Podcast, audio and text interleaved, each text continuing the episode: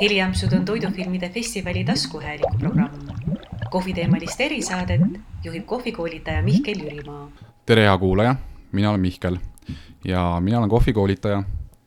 ja tänast podcasti me salvestame The Brick Coffee Roasteris. Äh, ja taustal võib vahepeal kuulda olla siukseid põnevaid helisid, mis on kohvi jahvatamine, kohvi valmistamine, inimeste omavaheline suhtlus, mis kõik käib ühe kohviku juurde ja minu tänaseks saatekülaliseks on Henri Politanov, kes on sellesama kohviku The Brick Coffee Roasteri asutaja ja röstja. Henri on ka lisaks äh, kahekordne Estonian Cupping Championship võitja ja Henri on ka kindlasti kohvientusiast. tere, Henri! tere, Mihkel! Rõõm, et äh, tulid saatesse. rõõm olla siin saates. ja rõõm, et saame rääkida äh, kohvist ma alustaks meie vestlust äh, selliselt, et äh, sinu ema, Heili Politanov, on ka kohviinimene. ja kui ma Heili käest küsisin, et äh, kuidas sa kirjeldaksid Henrit, siis äh, ma nüüd tsiteerin Heilit. Henri on väga väikesest peale olnud toidu ja joogimaitsete osas väga valiv ja nõudlik. me käisime temaga väga väiksest peale kohvikutes, eks see pisik sealt arenema hakkas juba Henri vana-vana vanaema jäi kodu, kodutalus pühapäeva hommikuti kohvi, kui eestlaste seas veel seda jooki ei tuntud. seda, seda aromaatset kraami tõi talle mees kaugetelt kaubareisidelt. selline legend siis meie peres tiirleb. Henri on oma iseloomult väga sihikindel, võiks isegi öelda jäärapäine, detailne ja perfektsionist. mis sul enda kaitseks öelda on? no emale vist vastu vaielda ei saa? et äh, ega noh, ennast on raske niimoodi hinnata või kõrvalt vaadata, eks äh, jah, et ju siis, ju kui ta nii tunneb, siis see on väga armas äh,. ise kindlasti ei tunne, et ma nagu äh, võiks nagu veel rohkem perfektsionist olla võib-olla, aga võib-olla see ongi see, et ma olengi perfektsionist, siis ma tahaks olla veel rohkem -hmm. perfektsionist kui see makes sense. mäletad sa äkki, kus kohv sinu jaoks niisugune sai nii-öelda võib-olla tähtsamaks kui selline hommikune ärataja? no äh, ma mäletan väga hästi esimest kogemust. ma näen siiamaani enda keha peal esimese kogemuse tulemusi, kui ma pillasin kolmeaastaselt kaks liitrit endale põue. mul on kaks väga ilusat armi sellest mälestuseks, siis solvusin ilmselt kohvi peale, siis järgmised kakskümmend, ilmselt kakskümmend, viisteist aastat ei joonud kohvi ja siis kusagil, kui ma kaheksateist äkki sain, äkki siis hakkasin seda enda jaoks nagu uuesti avastama ja avastasin tegelikult selle enda jaoks nagu läbi kohvikus töötades. ja mul natukene nagu tekkis niisugune tunne, et äh, võib-olla nagu olles, olles lihtsalt kohviku teenindaja, ei ole nagu väga palju väljundeid ja see nagu võib-olla muut-, ta on nagu suht põnev töö, aga ta on ikkagi võib-olla mingis mõttes nagu üksluine, et sa lõpuks nagu sealt, ongi nagu ma ütlesin, ei ole nagu väljundit, kuhu edasi areneda nii palju võib-olla. Äh, ja siis noh, kuna see tõi mu ema juba mängu, siis mu ema selle kohviga tegeles ja kuna seal kohvikus, kus ma töötasin, ka võeti sisse äh, mu ema kohv, siis ma natukene nagu hakkasin rohkem huvi tundma. alguses mitte nii väga sellepärast, et see tundus äh, äh, nagu mingi niisugune asi, mis, millest saab minu nagu niisugune noh, mingi karjäär või mingi asi äh, või niisugune noh, millest ma väga entusiastlikuks muutun, aga pigem sellepärast, et tundus, et see oli suht nagu aus, kui olla aus mm, -hmm. et äh, nägin äh, nagu ka ema pealt, kuidas natukene on nagu see, et äh, et kui sa nagu specialty kohviga töötad, eriti tol ajal nagu, kus väga ei olnud üldse mingit specialty kohvi, siis mulle väga sümpatiseeris see, et sa said rääkida sellest specialty kohvist nii, nagu ta on, et sa ei pidanud nagu müügimehe juttu rääkima ja nagu äh, nagu ma ei tea, vihikusse kirja panema, mis sa seal eelmise kliendi juures rääkisid, et sealt nagu seda nii-öelda seda narratiivi edasi viia, eks ju mm, -hmm. seda nagu mingit storyline'i edasi viia, vaid et nagu ma sain panna nagu puusalt, sest nagu selles suhtes puusalt, et äh, mulle sümpatiseeris Specialty Coffee puhul see, et see kohvi müüs iseennast mm. -hmm. et mina ei pidanud müüma seda ja midagi selle nagu põnevamaks tegema, kui ta oli, sest ta oli juba väga põnev ja väga aus oma olemuselt, et noh, ta on ju äh, sa tead ta päritolu, sa tead ta kohvi sorti, eks ju, sa tead äh, igasuguseid erinevaid fakte, mis on nagu olulised äh, selleks, et seda jätkusuutlikult teha nagu. ja ka võib-olla seda kohvi paremini mõista, versus siis see nii-öelda poekohvi, mis on suuresti tulnud börsilt, mis on suuresti anonüümne ja millele sa lood väärtuse läbi pakendi ja läbi oma brändi nime. mulle just nagu meeldis see, et see sisu ise loob selle väärtuse, mitte see, et kui äge, ma ei tea või kui tuntud ettevõtte nimi mul on või kui nähtaval kogu aeg on need nagu logod, et seda teha nagu, seda credibility't nagu luua sellele asjale, tootele, vaid see toode nagu tegelikult loob ise enda credibility't läbi selle, kui inimesed maitsevad seda nagu ja Mhm. tarbivad seda, et noh, muidugi on nii, et kõigile see kohe ei meeldi, vähestele, osadele või vähestele ei hakka see mitte kunagi meeldima, aga nagu enamustele, vähemalt minu kogemuse põhjal on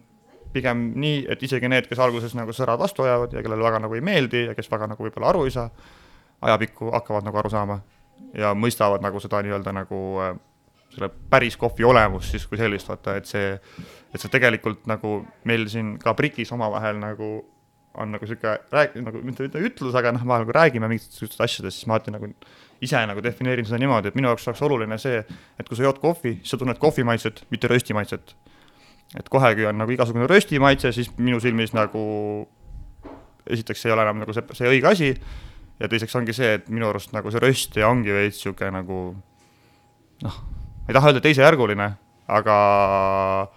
tegelikul kohvi potentsiaal luuakse ju farmeri poolt. ehk siis kõik algab sellest, kui head toorainet sa ostad mm. -hmm. ja röstija lihtsalt nagu viimistleb. Kohe, kui sa tunned eh, rohkem nagu rösti maitset nii-öelda siis minu silmis seal kohvis, siis kohe tekib see tunne, et on vaja kompenseerida midagi. ehk siis sa kompenseerid toorainet ja kuidagi röstiga üritad seda teha nagu. et siin võib isegi natukene tuua võib-olla lihast nagu analoogi, et eh, kui sul on nagu väga hea lihatükk, ütleme, et mingi väga hea mingi veise sisefiletükk, eks ju, nagu siis noh, naljalt seda well done'iks ei tee, eks ju. pigem teed medium raw, kuidas kellelegi, eks ju, sümpatiseerib ja meeldib. ja siis nagu jääkidest me teeme pigem šašlõkki, mille me laseme nagu väga tumedaks, eks ju mm. -hmm. et äh, šašlõkki jätad nagu pooltooreks, on ilgelt halb. et noh, selle kehva toorainega on nagu sama, et äh, sa pead selle kohvi enda nagu selle olemuse sealt nagu välja röstima, selleks, et seda ebameeldivat maitsest lahti saada ja siis äh, sa nagu noh, siis tood esile selle rösti, aga noh, ja siis nagu ongi nagu see, et inimesed arvavadki, et see rösti maitse on see päris kohvi maitse, aga tegelikult on päris kohvi maitse see, mille nagu, mis neid alguses ära ehmatab, ehk siis see mahlasus, see hapelsus, see magusus, see nüansirohkus nagu. Mm -hmm. aga jah, et lühidalt öeldes siis mulle jah, mulle hakkas nagu sümpatiseerima see, et ma sain sellega tegeleda ausalt, mis ongi nagu minu jaoks jäänudki nagu selliseks nagu äh, äh, püsivaks nagu siukseks või nagu läbivaks äh, nii-öelda agendaks või siukseks nagu mitte isegi agendaks, aga läbivaks nagu jooneks. et nagu me al-, alguses oli nagu ausus, lõpuks see minu jaoks nagu muutus nagu inglise keeles või niisuguse fancy ütlus on sihuke transparent või noh, et läbipaistev, ehk siis nagu kui nüüd see pikk ja logisev jutt kokku võtta, siis mulle meeldis specialty kohvi juures see transparency nagu, see läbipaistvus selles tegevuses, selles tootmisliinis, selles tarneliinis, selles kõiges nagu just see läbipaistvus, läbipaistvus, läbipaistvus ja et ükstapuha, mis ma tegin, ma sain seda täpselt kliendile öelda. mitte nii, et nagu mingid asjad on nagu firma saladused või mingitest asjadest me nagu ei räägi või noh, mingid siuksed noh, eks sa tead isegi, et seal nagu mm -hmm. saab nagu natukene varieeruda sellega ja just suuresti tänu sellele, et äh, inimestel ei ole väga head know-how'd või teadmisi selle kohta. Ja siis sellega tegelikult jõuamegi selleni ka, et miks ma selle priki üldse tegin, oligi tegelikult see, et lihtsalt, et äh, mitte, et mul ei oleks nagu eelmises kohas nagu olnud nagu põnev või ei oleks mulle nagu meeldinud, vaid pigem oligi nagu see, et tundsin, et nagu kui hästi palju inimesi räägib sama juttu ühe ettevõtte alt, siis minu silmis ilmselgelt tavainimesel on seda väga raske võtta kui mingisuguse päris tõena. muidugi ta pigem näeb välja kui niisuguse ettevõtte mingisugune agenda või ette, ettevõtte mingi jutt, ehk siis nagu kohe natukene see nagu, kuidas ma ütlen siis, me nagu natukene õõnestasime enda nagu seda juttu läbi selle, et me nagu kõik rääkisime samast ettevõttest samast juttu. ja siis ma tundsin, et võib-olla oleks nagu vaja, et et just nagu seda nagu credibility'tele jõuda tuua selle specialty kohvile endale, et äkki oleks vaja mingit teist ettevõtet, eraldiseisvat ettevõtet, kes võib-olla tegeleb natukene teistmoodi selle sama asjaga, aga et räägib nagu sama juttu, on sama agenda, ehk siis äkki siis inimestel tekib parem arusaam sellest, et et see jutt ei ole siin mingisugune selleks, et me tahame siin nagu taskud täis toppida ja et see kohvi ei ole nii kallis sellepärast, et me oleme hästi ahned, vaid see kohvi on selline, nagu ta on, sellepärast, mis farmeritel vaja on, mis on see nii-öelda see tarneahelad ja kõik asjad, eks ju, kõik saaksid ausalt nagu nii-öelda oma asjad kätte töö eest. ja see, noh, sellega kaasnevalt ongi see, et nagu võib-olla ei olegi vaja, et äh, me kõik nagu seda saaks hullult odavalt ja hästi palju, vaid et pigem olekski vaja, et inimesed saaks aru, kui raske töö seal taga on ja et me väärtustaks seda rohkem, et ei ole nii, et meil nagu on vaja seda võimalikult odavalt, võimalikult palju ilma aru saamata, mis on selle nii-öelda siis nagu tagajärg sellele, kogu sellele nagu sellele tööstusele nagu endale nagu. noh, mõeldes siis selle peale, et kui me räägime börsikohvist ja sellisest, mis on selle euro, kahe euro vahel, et kui palju sealt siis lõpuks nagu farmerile kätte jääb ja noh, kui farmeril äh, tahaks nagu rohkem teenida, siis ainuke võimalus rohkem teenida tolles hetkes on tal äh, toota rohkem, selleks, et toota rohkem, on vaja rohkem metsa maha võtta ja nii edasi ja edasi ja edasi, eks ju, et pigem tundub, et oleks palju jätkusuutlikum, et me joome nagu värsket kohvi, head kohvi, mis, äh, mis on nagu paremini, mis on, kuidas ma ütlen siis, mis on nagu kvaliteetsemalt äh, töödeldud, kasvatatud. Ja siis äh, läbi selle on sellel kõrgem hind, meie väärtustame seda rohkem äh,, värskel kohvil on ka rohkem äh, nii-öelda niisuguseid erinevaid nagu toimeaineid sees nagu, mis siis ka võib-olla nagu tingib ka selle, et äh, värsket kohvi ei ole vaja juua nii palju kohvi kui surnud kohvi nii-öelda, noh, surnud kohvi all ma mõtlen siis kohvi, mis tegelikult on aegunud, ehk siis niisugune kaks-kolm nädalat, kaks-kolm kuud vana kohvi mm. -hmm sa vastasid päris minu mitmele küsimusele, mille ma olin ette valmistanud, nii et äh, aitäh sulle töö, töö, töö eest, mis sa juba ära tegid. aga ma võtaks selle kokku siis ka sellega, et äh, eks kohv on tegelikult väga au sees olnud teie peres äh, läbinisti aga kindlasti on kuulajaid, kes äh, ei tea, mida tähendab specialty coffee. kas sa paari sõnaga, lausega kirjeldaksid, mida tähendab üldse specialty kohv hmm.? ma võin äh, seda nagu öelda enda nagu nii-öelda vaatenurgast, mis minu jaoks teeb nagu specialty kohvi. siin on mingi, kindlalt mingid asjad, eks ju, mis nagu võib-olla on nagu nii-öelda mingite ekspertide või mis iganes siis mingi asjatundjate poolt nagu paika pandud, mingid standardid, mis teeb sellest teatud mingid eh, nii-öelda cupping skoorid, eks ju, ehk siis nii-öelda nagu maitse mingi skoorid kvaliteedi mõistes. minu jaoks see teeb eh, nagu specialty kohvist, specialty kohvi, kui ma tean selle nii-öelda päritoluahelat, nimetame siis niimoodi seda, või traceability inglise keeles siis äkki oleks õige öelda. Eh, ehk siis mida see tähendab? minu jaoks see tähendab seda, et ma tean, kust see kohvi pärit on, ma tean Äh, mis sort ta näiteks on, et äh, noh, et põhimõtteliselt võibki võtta, et äh, mis teeb specialty kohvist specialty kohvi, on see, kui sa hakkaksid, kui kohvi saad samamoodi vaadata nagu veini. ehk siis, kui sa saad sealt paki pealt vaadata, või mitte paki pealt, vaid üldiselt sa tead nagu, et kust ta pärit on, mis ta kohvi sort on, kes ta kasvatanud on, kus äh, lisaks päritolule, kus regioonis ta selles konkreetses riigis on, eks ju äh,, mis äh,, mis töötlusviis tal näiteks on, mis on nagu väga oluline Äh, ja kõik sellega nagu kaasnev, ehk siis hästi niisugune nagu, äh, et nagu, et see kohvi ei piirdu ainult sellega, et on kohv, vaid tal on nagu mingi elulugu. et ma ütleks, et see lugu teeb specialty kohvist nagu äh,, specialty kohvi minu jaoks. et kui lugu ei ole, siis nagu on ka raske uskuda, et ta või nagu raske seda võtta ka specialty kohvina nagu. et äh, kindlasti mingite kvaliteedimäärade mõistes nagu seda saaks teha, aga minu silmis ta nagu on liiga väheülbaline või liiga pealiskaudne nagu, et eh, noh, see oleks siis sama nagu me hindame inimesi, eks ju, lihtsalt nagu välimuse järgi, et eh, sina oled eh, standard, noh, niisugune ühiskondlik standard välimuselt, et siis nagu sa oled kohe hea ja kohe, kui sa ei ole, siis sa oled nagu halb. et pigem nagu, mis meist teeb inimese, teeb meie lugu, eks ju, meie nagu enda lugu ja ma arvan, et kohviga on nagu sama, et kohvist teeb nagu selle päris kohvi tema lugu. et, et sa tead selle kohta, noh, nii-öelda nii mõndagi ja sa oskad seda edasi rääkida, sest nagu ta ju noh, kannab mingit lugu endas nagu. Mm, -hmm. mingit päritolu äh,, mingi inimene, no inim-, inimesed on väga palju vaeva näinud, noh, kui sa oled ise farmides käinud, eks ju, siis sa näed ju tegelikult äh,, kui suur vaev, higi ja veri ja pisarad see on, et seda kõike nagu siin kokku pakkida ja siis meile nagu ära saata, eks ju, siia kuhugi Euroopasse. Või kuhu iganes seda parasjagu saadetakse, eks ju, siis. Ja sellest tulenevalt ongi veits nagu see et miks ka see eelnev teema oli see, et miks tahaks, et inimesed võib-olla rohkem nagu väärtustaks seda, et nad saaks nagu paremini aru sellest, mis see tegelikult nagu tähendab. et mis tähendab see farmerile see, et me tahame oma viie eurost kohvi saada nagu kilo hinnaga mis see nagu talle, nagu tema perele tähendab, tema nagu kõigile noh, tegemistele, eks ju, nagu versus see, kui ta saab selle eest küsida ausat hinda, eks, ehk siis saab küsida noh, noh, ma ei tea, räägin enda kohvihindadest, eks ju, transparents ütles, et on väga oluline meile, noh, eks meil on üks nendest asjadest ongi see, et me nagu hindu otseselt niimoodi ei varja noh, meie kõige odavam kohv, mis me ostame, on viis eurot roheline kilo. börsihind on üks viiskümmend. Äh, ehk siis siin on juba nagu mingi kolmekordne vahe põhimõtteliselt juba nagu kilo pealt nagu, ehk siis sa võid ette kujutada, kui me võtame mingi X summa nagu nii-öelda selleks eesmärgiks, noh, igal perel, igal asjal on mingisugune summa, millest eest nagu peab nagu talitsema, eks ju, nagu tegema oma neid noh, oma seda äri seal, kohviäri, eks ju, samal ajal enda pere üleval hoidma, et ütleme mingi X summa, et ma ei tea, sada tuhat eurot, eks ju, on aastas tal vaja, no see on hull utoopiline summa, aga see ei ole õige summa ka, aga paneme suvalise summa, tal on sada tuhat eurot vaja, et äh, aastas ära elada. lapsed kooli panna, kohviasjad paigas hoida, osta equipment'i, värgid-särgid, eks ju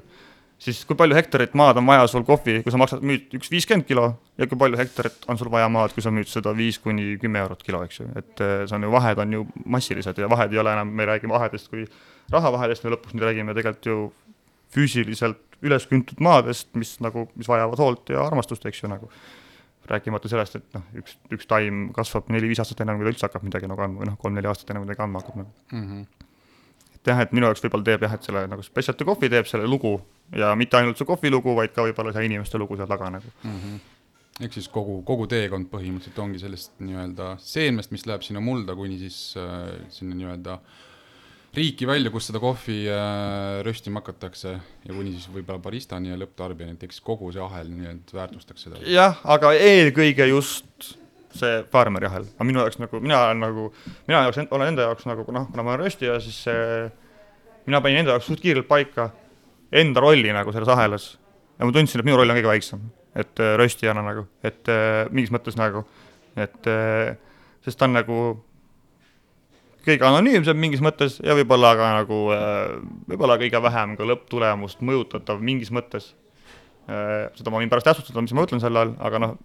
hetkel nagu pigem nii, sest nagu minu jaoks on niimoodi, mina otsin seda nagu kastisüsteemi. et on nagu äh, kolm kasti, iga kast on iseenda sees ja see hakkab niimoodi, et esimese kasti joonistab farmer sellega, kuidas ta selle kohvi kasvatab, kuidas ta seda töötleb, kuidas ta sellest hoolt kannab äh, ja noh, ka lisaks farmerile ka muidugi lo emaka loodus, eks ju, et millal vihma tuleb ja kas tuleb ja kui palju tuleb ja nii edasi, eks ju. tema teeb selle kõige suurema kasti ja selle, seda kasti nimetame siis maksimaalseks potentsiaaliks. nüüd antakse see kohvi minu kätte või siis äh, on vaja seda röstima hakata ja siis äh, mina ei saa seda kohvi muuta paremaks, kui see kast ette antud on. mis mina teha saan, on see, et ma saan seda teha võimalikult noh, selle potentsiaali lähedale. peaaegu mitte kunagi või noh, väga vähesed röstijad maailmas minu silmis on sellised, kes suudavad seda võib-olla nagu äh, teha selliselt. enamus ikkagi hakkavad seda võib-olla ka meie vahel, eks ju, teatud kohvide puhul hakkame seda ikkagi tegema väiksemaks, ehk siis nagu noh, hästi raske on ju tegelikult ka aru saada sellest, et või noh, kas raske aru saada, aga nagu sa ju ei tea tegelikult ise ka, mis selle kohvi potentsiaal on, ega tegelikult ega farmer ka ju ei tea. et see kõik on niisugune väga niisugune nagu tunnetuslik nagu tegevus, aga, aga faktiline fakt on see, et mina röstjana ei saa muuta seda kohvi paremaks kui see, mis see farmer mulle ette andis. ja sealt järgmine kast on see barista kast, ehk siis barista nüüd, kui röstija on lõpetanud, siis barista ei saa jällegist omakorda minna väljaspoole röstija kasti seda potentsiaali nagu, sest äh, siis ongi nagu see, et nagu farmer annab ühe osa, eks ju, teeb mingi potentsiaali, röstija ütleme, et suudab sealt võib-olla seitsekümmend viis protsenti välja võtta, siis barista enam ei tööta selle saja protsendiga, vaid ta nüüd töötab selle seitsmekümne viie protsendiga. ja nüüd on omaette küsimus, kas barista suudab sellest seitsmekümne viiest võtta sada protsenti välja, eks ju. pigem alati võib-olla ei, su ei suuda, eks ju, nagu, aga miks nemad on tähtsamad minu silmis kui röstija, on see, et kui üks tegeleb nagu nii-öelda nagu algusega ja loob selle, siis teine tegeleb lõpuga, ta müüb maha selle inimesele, ta muudab selle nagu, ta muudab selle, ütleme nii, et kui farmer teeb sada protsenti, eks ju, potentsiaali, eks ju, siis röstja röstib sealt mingi, saab sihuke kuuskümmend, seitsekümmend prossa kätte, eks ju, siis barista saab sealt kätte võib-olla jälle omakorda mingi siukse sellest nagu kaheksakümnest protsendist mingi seitsekümmend protsenti, eks ju, siis äh, baristal on nagu võimalus, oskus seda lugu ikka edasi anda. Mm. -hmm ehk siis ta saab selle looga võib-olla selle üle nagu selle puudujäägid ära täita ja tekitab nagu inimestes võib-olla selle arusaama ja noh, olgem ausad, lõpuks on tegelikult see, et inimese jaoks on see täispotentsiaal see, mis ta barista käest saab. teda ei huvita see või ta isegi ei tea see, mis see röstija osa seal oli või mis see nagu farmeri osa on. sellepärast ma tunnengi, et võib-olla see röstija osa on võib-olla see niisugune nagu kõige väiksem osa mingis mõttes, just nagu selle nii-öelda au endale võtmise koha pealt ja siin võib-olla taandub ka edasi sellele, mis ma alguses rääkisin, et minu jaoks ongi tähtis, et kui sa jood kohvi, sa tunneks kohvi maitset, mitte rösti maitset. et see veits nagu taandub ka sinna nagu välja, eks ju. aga jah, et siis baristal on lõpus see võimalus nagu äh, seda muuta jälle nagu tervikuks, selliselt nagu ta on ja seda inimestele presenteerida ja teha seda nagu arusaadavaks, sest lõpuks on ju see, et äh, või noh, mul on siin jah, lihtne, eks ju, rääkida, teha ja olla, et äh, toome ise kohvi maale, ise röstime ja pärast ise pakun, eks ju klientidele, aga enamus coffee shop'id või kohad ju töötavad selliselt, et nad ostavad kusagilt mujalt seda kohvi sisse. ehk siis nad tegelikult, neil võib isegi, enamustel isegi ei ole otsest nagu äh, suhtlust selle röstijaga, nagu ta ei teagi, mis ta seal võib-olla teha võis või noh, et ta hakkab seda otsast peale tegema nagu mm. -hmm. ja see nagu, ja selle story annab ikka edasi barista ju. sellesama story, mille see farmer kunagi lõi selle annab edasi tegelikult ju lõplikult barista, mitte nii-öelda röstija otseselt nagu mm. -hmm. et sellepärast ma tunnen, et äh, on võib-olla ka see barista amet nagu hästi oluline, et ta nagu jah, ta muudab selle nagu jälle nagu niisuguseks äh, nagu noh, apetiitseks inimeste jaoks nagu, vahet pole, mis vormis ta siis nagu on, eks ju. aga noh, muidugi selles suhtes, et ma nagu ei taha kuidagi downgrade ida röstijaid, sest nagu röstimistöö on üks raskemaid töid sellest ahelast, et ongi võib-olla nagu niisugune nagu tänamatu töö minu silmis, et nagu mina, mina tunnen, et röstija peakski pigem olema tahaplaanil, olenemata sellest, et ta peab ilmselt tegema sellest ahelast äh, kõige rohkem tööd peale farmeri äh,. Ja kõige raskemat tööd peale farmeri mingis mõttes ka, sest äh, see röst ja asi, see on ikka, see on ikka jõle subjektiivne nagu, et selles suhtes nagu, nagu mis relv sul on, maitsed seda kohvi ja siis otsustad, et see on nagu nüüd hea või halb või et see on nüüd nii palju protsente sellest potentsiaalist või noh, sa tegelikult ju ei tea, sa nagu, sa ei ole nagu seda kohvi mitte kunagi maistnud selles ideaalses vormis, sa pead ise looma selle ideaalse vormi, ehk siis sa alati pead nagu tegema mingis mõttes nagu äh, mingis mõttes nagu sa täidad seda ettenähtud potentsiaali, aga mingis mõttes sa alustad iga kord nullist. Hmm.. nagu iga kord alustad nullist, et äh, see on nagu niisugune jah, niisugune piinarikas protsess, et noh, meie näiteks teemegi niimoodi, et me mis on nagu, ma arvan, good tipp kõikidele röstijatele ja ma arvan, et enamus röstijad teevadki seda niimoodi, äh, aga noh, see on ka muudes valdkondades väga nagu pädev minu arust, on see, et selleks, et aru saada, mis toimub, muudame ühte asja korra, ühte asja korraga, ühe korraga. ehk siis äh, kui oletame, et või noh, oletame, et röstimises on niisugune ütleme, kakskümmend niisugust pealiskaudset, eks ju, niisugust äh, tegurit, mida sa üritad nagu kirja panna, siis selleks, et teada saada, mis, mida mõjutab, sa teed need kõik kakskümmend ühe korra, ühekaupa läbi. nii et sa muudad ainult ühte asja, aga selleks, et näiteks seda maitsma hakata, võtame näiteks espresso, eks ju, mis on niisugune enim minev asi nagu, siis espresso peab seisma kaks nädalat. ja siis noh, hakka siis kaks nädalat hiljem jooma seda espressot ja mõtlema, et mida küll kõike sa siin nende mingi sekunditega mõtlesid teha, eks ju, mida sa seal kõrvutad ja nii edasi, eks ju. et on niisugune hästi niisugune piinarikas töö, mis vajab hästi niisugust täp-, täpset tegemist, aga hästi ka pühendunud tegemist. sest noh, lihtne ongi ära kaotada seda nagu fookust või seda nagu eesmärki, et mis seal nagu on, eks ju et selles suhtes ta võtab hästi kaua aega ja noh, mingitel juhtudel ongi võib-olla niimoodi, et äh, üks rohelise kohvikott on niisugune kuuskümmend kilo, et meil on niisugune kaheksakilone masin, äh, ehk siis noh, vahel võib kuluda terve esimene kuuekümne kott selleks, et üldse nagu äh, saada nagu midagigi paika, et saada see nagu alus paika nagu, et mis see nagu kohvi struktuur on nagu. ajapikku muutub lihtsamaks, sest mida rohkem sa seda läbi teed, ühekaupa ja nii-öelda kõiki asju järgi testid, läbi maitsed, seda rohkem sul tekib tegelikult nagu mingit kogemust selle põhjal. et sa saad natukene tulevikus natukene kiiremini teha neid asju, aga, ja võib-olla vahele jätta mingisuguseid olu-, asju, mingisuguseid nagu nii-öelda tegurite kontrollimisi, mis tegelikult ei ole soovituslik, aga noh, võib-olla nagu kui on vahel vaja, eks ju, siis saab. aga et jah, et siis sul tekib nagu veits nagu jah, niisugune arusaam juba, et ahah, et mingid niisugused kohvid a la mingi Columbia kohvi, kui ta on äh, Castillo uba umbes, et siis ta tahab umbes sellist äh, ajavahemikku saada, niisugust temperatuuri enam-vähem, et mingi niisuguse asja saab kätte. aga jah, muidu on jah see, et täitsa nullist, et sa isegi tegelikult ju ei tea, mis, mis, mis näiteks on see lõppkraad sellel asjal või mis selle aeg, eks ju, on, et aeg on ka niisugune, et äh, kohvis röstimisel on see, et viis sekundit võib teha nagu väga suuri vahesid nagu, et aga viis sekki nagu tavainimese mõistes on see, et sa nagu äh, noh, vajud ühe korra mõttesse, eks ju, mõtled kahe asja peale ja ongi viis sekki möödas ja juba ongi terve see röst nagu tuksis, eks ju nagu. mm. -hmm. et see jah, et niisugune vajab igas mõttes hästi niisugust tähelepanelikku ja niisugust äh, kannatlikku meelt, ütleme siis nii mm. -hmm ma tänan sind, järgmised paar küsimust on jälle listist maas mis mul olid ette valmistatud aga ma julgen öelda, et inimesi tihtipeale huvitab see, mis äh, toimub päritolumaal, näiteks kui ma ise olen rääkinud enda kogemusest, kui ma olen käinud äh, Keenias või Tansaanias, siis ma tean, et ka sina oled äh, käinud päritolumaadel. kas sa räägiks kuulajatele, kus sa käinud oled ja, ja mida sa nägid, õppisid ja kogesid sealt? Ma olen käinud Ladina, Ladina-Ameerikas, ma olen käinud esimest, esimest korda käisin Costa Rical, teist korda käisin Boliivias ja kolmas kord käisin Brasiilias mm,. mis ma nägin, noh, nägin, nägin, nägin farme esimest korda elus, kui ma läksin Costa Ricale, et see oli päris lahe. mis emotsioon, esimene emotsioon oli? esimene farm, kui ma läksin, oli veits räpane nagu ja siis natukene nagu, kuna ei olnud varem kunagi käinud, ma olin hästi, olin hästi noor ka siis, ma olin äkki, äkki üheksas, kahekümne aastane äkki olin vist või? Äh, kui ma esimest korda läksin, läksin üksi äh, ja siis äh, ilmselgelt natukene niisugune noh, ei ole võib-olla kodus tunne ka, esimest korda elus üle ookeani ka muidugi, et kõik asjad esimest korda, selles suhtes oli hästi tore, aga ma arvasin, et nii hakkabki olema. Või nagu mulle tundus, et nagu äkki nii ongi siis nagu, et ongi niisugune värk, aga noh, õnneks järgmiste farmidega ma sain aru, et nii ei ole päris, aga mis ma, millest ma sellest nagu lõplikult või mis ma nagu siis tervikuna aru sain sealt, ongi see, et üks hästi suur probleem farmide ja hea kohvi nagu alustaluks ongi see, et farmerid ise ei näe seda niimoodi väga.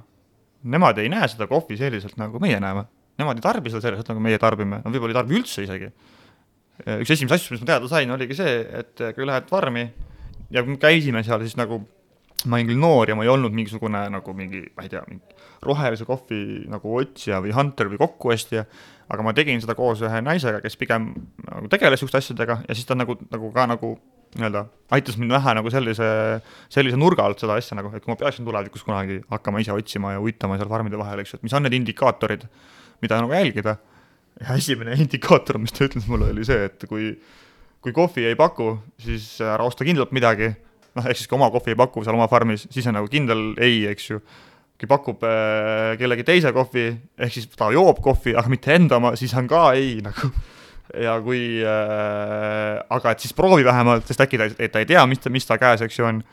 ja kui pakub kohvi ja pakub enda kohvi, siis nagu on suht sihuke noh, siis on hea lootus, eks ju, et võib nagu edasi minna asjaga. ja siis, mis ma seda nagu mis see siis nagu tähendab, see tähendab seda, et äh, nende jaoks on see suht anonüümne asi nagu. Et kui me, mina siin räägin mingist loost, eks ju, et umbes, et tahan, et specialty kohvi teeb specialty kohviks see, et tal on mingi lugu, eks ju, taga nagu. Sest neil on suht kama kaks nagu, või noh, päris paljudel nagu, nagu nii-öelda, nii-öelda ütleme üldiselt nagu, oli see, et see on pigem nagu niisugune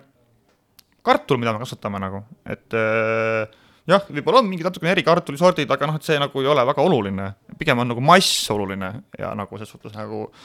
võib-olla niisugune visuaalne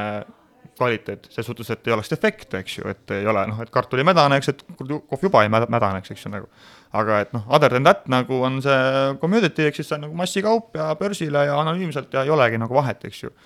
et siis, kui nagu hakkas seal rääkima, et kuule, et me paneme nagu paki peale kirja, et eh, noh, põhimõtteliselt nagu eh, noh, kilomeetri täpsusega, et eks ju, kust see nagu kohvi pärit on ja kes see inimene on, kes seda kasvatas, noh, paned farmeri nime pakile värki ja noh, andsid, need tüübid olid küll sihuke, et noh, mis asja, vaata, et mingi mis tiilu-iluga te nagu tegelete või mis, mis, mis asi see on, vaata nagu, siis ma olin sihuke, et nagu ei, et nagu noh, et et noh, meie näeme seda nii, et me võtame seda kui veini ja siis noh, head näkku ei naerdud, oli siuke okei okay,, noh, selge siis ja noh, valged inimesed, valged kombed, selge, edu teile, eks ju, nagu mm. -hmm. et noh, see oli see esimene farm nii-öelda edaspidi ma hakkasin natukene ikkagi noh, veits positiivsemat ka saama nagu, aga siis ma lihtsalt sain aru, et jah, et tegelikult, et ongi see, et see nagu ei ole nii idülline, nagu võib-olla ma alguses arvasin, et on sihuke, lähed sinna, kõik on nagu noh, hullud kohvifarmerid, eks ju, teevad seal mingit eh, hullu asja, eks ju. vaid pigem ikkagi enamuste jaoks ikkagi see on ikkagi nine to five job lihtsalt nagu, et noh, sul lihtsalt seda on vaja ära teha selleks, et, eh, et saada nagu eh, noh piisavalt tasu, et elada, eks ju seal ja päris paljud, mida ma ka ei teadnud ja mida ma seal nagu esimesel reisil teada sain, on ka see, et päris paljud farmid on niisugused nagu mix-farmid või nagu segu, segufarmid, et ei ole nagu see, et on kohvifarm, vaid on nagu, tegelevad väga paljude asjadega ja võib-olla üks hektar seest on nagu kohvi. mis natuke jälle võib-olla nagu indikeerib sellele, et ta nagu ei ole võib-olla päris nagu noh, alati kõikide farmide jaoks, farmerite jaoks nagu sama asi, mis ta meie jaoks on, noh, meie specialty kohvi inimeste jaoks, eks ju, et me siin nagu räägime mingitest kõrgustest ja sortidest ja asjadest, eks ju, et siis nagu neil on pigem võib-olla on see, et kuidas nagu ära elada, mis on tegelikult ka mõistetav, eks ju, kui me räägime sellest, et äh, tol ajal äh, see oli noh, mingi kaks tuhat mingi kümme, üksteist, midagi sinnakanti. et tol ajal, kui ma nüüd õieti mäletan, äkki oli mingi üheksakümmend kolm protsenti, üheksakümmend kaks protsenti kogu maailma toodangust oli nagu masstoodang. ehk siis nagu see tähendab ka seda, et nagu ju, et üheksakümmend kolm protsenti farmeritest sai börsihinda kohvi eest, ehk siis sihuke tol ajal eur äh, per kilo ehk siis noh, ilm, ilmselgelt see tema jaoks nagu võib-olla ta ei, nagu ta ei tunne seda nagu väärtust seal taga nagu, et sa, et nagu sellepärast nagu tunne on oluline, et, et oleks nagu anda nagu ikkagi ausat hinda neile farmeritele, et neil endal ka tekiks see väärtushinnang sinna taha nagu ja arusaam, et mida nad teevad nagu. Ja et saaks aru sellest, et et nende võimuses on seda nagu oma sissetulekut tõsta nagu, et see ei ole nagu see, et meie peame tulema ja maksma rohkem, vaid et pigem on nagu see, et sa toodad nagu nii head asja, et nagu on nii palju tahtjaid. et eh, noh, sa tead isegi, et on ju vaata, niisugune asi nagu Cup of Excellence mm, -hmm. mis käib nagu päritoluriikides, on niisugune nagu äh, nii-öelda noh, farmerite või noh, kohvi või võistlus, eks ju, riigisisene erinevates riikides, päritolu riikides, kus siis valitakse parimad kohvid ja siis saavad mingi hinnangud seal ja siis nagu see top kümme, noh, läheb ikka nagu mõnusate hindadega, eks ju, top kolm on müstilised hinnad, eks ju, millega ära ostetakse kohe oksjonitel, et siin osad ju liiguvad mingi saja euro juures nagu need eh, kohvid per kilo nagu. ehk siis noh, see tegelikult ju võiks ju olla indikaator sellele, et seda asja saab teha palju paremini nagu ja sellel on mingisugune väärtus nagu taga. et äh, et nagu jah, et siis nagu jah, siis jah, mis ma, ühesõnaga, mis ma saingi aru seal, ongi see, et väga palju tööd on vaja teha veel sellega, et nagu seda äh, imelik öelda võib-olla, niisugune natukene niisugune äh, noh, niisugune jah, ma ei tea, niisugune noh, ennast täis valge inimese nagu lause veits kõlab see niimoodi, aga nagu mõt-, mõeldud on hea, aga nagu, et et avastasin, et on väga palju know-how'd vaja veel tagasi anda. ehk mm -hmm. siis, et mitte, et me peaksime minema neile õpetama, kuidas nad oma asju peaks tegema, oma elu elama, aga veits nagu seda õpetama, et mida me tahame ja mida me tahame osta ja mille eest me oleme nõus maksma, kui palju, mida oleme, nagu või noh, mille eest, kui palju me nõus maksma oleme. et siis neil tekib ka endal see tootega mingi arusaam või nagu väärtushinnang, et mis see nagu toode on, mida nad nagu tegelikult nagu teevad, eks ju, et et nüüd see ei ole nagu see, et noh, see ei ole mingi kartul, noh, anonüümne mingi asi, mida sa saad nagu päriselt osta või noh, mingi naftaga tuuakse hästi palju võrdlust nagu, sest nafta on niisugune, et põhimõtteliselt nagu puuri kust iganes, eks ju, ja siis läheb mingi pärelinnaga, eks ju, nagu, et et ta ikkagi on pigem nagu vein. et tema lugu, tema kvaliteet määrab selle hinna rohkem äh, kui võib-olla mingisugune muu asi, eks ju mm. -hmm. tegelikult juba peaaegu hakkasid jälle vastama mu järgmisele küsimusele, et et sa küll rääkisid sellest kastisüsteemist ja sellest, kui suur roll on farmeril, kui suur roll on kohviröstil ja baristal, aga ma ikkagi tahaks su käest teada, et kui palju sa tead äh, specialty kohvi puhul, kui palju annab röstja tagasisidet siis kohvifarmerile, et kuule, et sa võiksid kasvatamisel teha hoopis nii, et ma tegin paar erinevat sample'it kohvi röstimisel, aga ma näen, et sellel kohvil võiks olla oluliselt suurem potentsiaal ja kui palju on täna, kas teie ise näiteks olete andnud farmerile otse tagasisidet, et, et ma arvan, et ma tegin endast kõik oleneva, et selle kohvi maitse kõige paremini kätte saada, aga kui sa teeksid nii, kasvatamisel midagi muudaks natukene, et sellel kohvil oleks veel suurem potentsiaal äh,? väga ei ole äh,, kuna me oleme nii pisike lihtsalt, et meil on väga vähe seda direct trade'i nii-öelda otseselt ehk siis otse, otse nagu nii-öelda kauplemist farmeriga endaga, sest see eeldaks nagu väga suuri koguseid, mida osta korraga, eks ju, kuna me väike ettevõte, siis me nagu nii suuri koguseid ei saa võtta. me baarifarmiga oleme nagu koostööd teinud või noh, praegult hakkasime ka, otsime või nagu otsime viisi teha koostööks ühe Brasiilia farmiga, et noh, saadavadki meile kohvid ja nendega me seda ehitamegi üles niimoodi selle mõttega, et nad käisid Eestis ja me kohe nagu panime plaani paika, et et teeme hästi ausalt teie ütlete meile nagu nii-öelda suht nagu noh, konkreetselt ära, nii nagu asjad on ja me ütleme teile. ja siis vaatame, kuhu me jõuame ja kas me saavutame midagi sellega või mitte. ja siis nagu äh, selle nagu, selle härraga nagu me hakkasime, hakkame seda tegema nagu rohkem ja üritamegi teha seda nagu hästi nagu süstemaatiliselt, et näha, et mis siis juhtub. muidu me oleme seda nagu vähe teinud ja pigem see nagu tihtipeale pigem äh, nagu äh, kandub pigem sellesse, et ei ütle, et umbes, et kasvata nii või nagu sihuke, ma ei tea, kuivata naa või midagi sihukest, eks ju. vaid pigem nagu algab sellest, et nagu ütlesid, et äh, nagu puhasta oma varustust, et äh, et nagu pese need basseinid puhtaks ja need torud, kust kohvid jooksevad, et lihtsalt noh, et tee seda, vaata. et ma tunnen, et kohvi on veits must, et mm. nagu next time nagu soovitaks seda vaadata. kas ta teeb seda või ei tee, see on igaühe enda asi, eks ju ja eks me ju järgmise aasta sample'i põhjal saame näha seda, kas ta tegi või seda ei teinud, sest kohvis suuresti on niimoodi, eriti nii väikestel ettevõtetel nagu meil, et me ei tee ju mingisuguseid kaheaastaseid või kolmeaastaseid või mitmeaastaseid lepinguid, et umbes, et ostame nüüd neli aastat järjest sult ühte kohvi, vaid me ostame nagu äh, eraldiseisvalt iga kord erinevalt, erinevast kohast, erinevast farmerid, eks ju, et noh, kui ei ole niisugust nagu võib-olla nagu tekkinud veel niisugust liiga head suhet mingi konkreetsete farmidega, kust nagu tahaks nagu kogu aeg nagu edasi minna ehk siis jah, et noh, väga ei ole, aga jah, et kui kui üldse, siis pigem on niisugused elementaarsed asjad, niisugune hügieeni asjad pigem nagu, kust see kõik minu jaoks algab. sest väga nagu mitte omamata ise liiga palju kogemust, ei taha ka nagu minna sinna nagu vahele trügima või midagi nagu targutama, ei taha nagu kuidagi jah, jälle nagu kuidagi jätta nagu valet muljet sest äh, mina ka ei taha ju, et võib-olla, et äh, farmer tuleks mulle siia rääkima, et kuidas ma seda röstima, eks ju, peaksin. Et, et kuule, et meil ikka Brasiilias on ikka, me oleme harjunud ikka tumeda kohviga, et sul on ikka liiga hele, minu kohvi on mõeldud süsiks, et lase see süsiks, noh, nagu ei noh, sorry, ei tee, eks ju äh, arvab temaga nagu sama, et ta võib-olla nagu ka ei taha, et ma nagu läheks talle sinna rääkima, et kuule, et sul on nagu kõik protsessid on jumala lappes, et sa nagu see nagu, see ei tööta, vaata. pigem ausalt vaikselt vaata, et noh, et nagu ma ei tea, pese käed ära, eks ju pese see mingi vann ära, pese see mingi anum ära, pese see toru ära, eks ju sest noh, sa küsisid, vaata, mis ma teada sain, vaata, ma ütlesin, vaata räpane. siis äh, ma läksin Brasiiliasse, sest seal, ma ei tea, miks, mis, kas see on nagu mingisugune nagu see esimese pannkoogi reegel või midagi, aga et noh, kõikides, noh, ma olen kahes riigis käinud farmides, Boliivias ma ei käinud farmides äh,, aga mõlemas riigis, Costa Rical esimene farm ja Brasiilial esimene farm, oli kohe nagu siukesed päris siuksed korralikud siuksed äh, põntsud, ütleme niimoodi. et see Brasiilia oma oli ka siuke, et seal on see nagu sul on see suur kohvis esimene bassein, eks ju, kus sa nagu oma need nagu oad siis viskad sisse, et see on nagu ulbiks, eks ju, siis ta hakkab sealt mööda torusid jooksma nagu tiibalpimisse, kui iganes kõike veel, eks ju, ja siis äh, seal toru peal lihtsalt oli kaloss nagu, noh, see poolkera toru, eks ju, ja siis seal nagu peal lihtsalt oli kaloss, mis nagu oli näha, et ei olnud sinna eile kukkunud nagu, et see on seal ikka nagu mõnda aega olnud. ja siis nagu küsisid ka nagu selle nagu farmeri käest, et nagu mis värk sellega nagu on, ta ütles, ah ei suva. see ei tähenda mitte midagi, vaata sa oledki siuke okei okay,, noh, et noh, selge siis vaata. Ja siis nagu pärast noh, tuligi välja, et noh, jällegist nagu veits nagu tõestuseks sellele, et nad on natukene oblivious või nagu nad ei nagu hästi saa aru võib-olla vahel nagu sellest nagu, kus nad nagu tegelikult paiknevad. et tüüp nagu arvas ise, et on nagu, ta teeb nagu kõige paremat kohvi maailmas.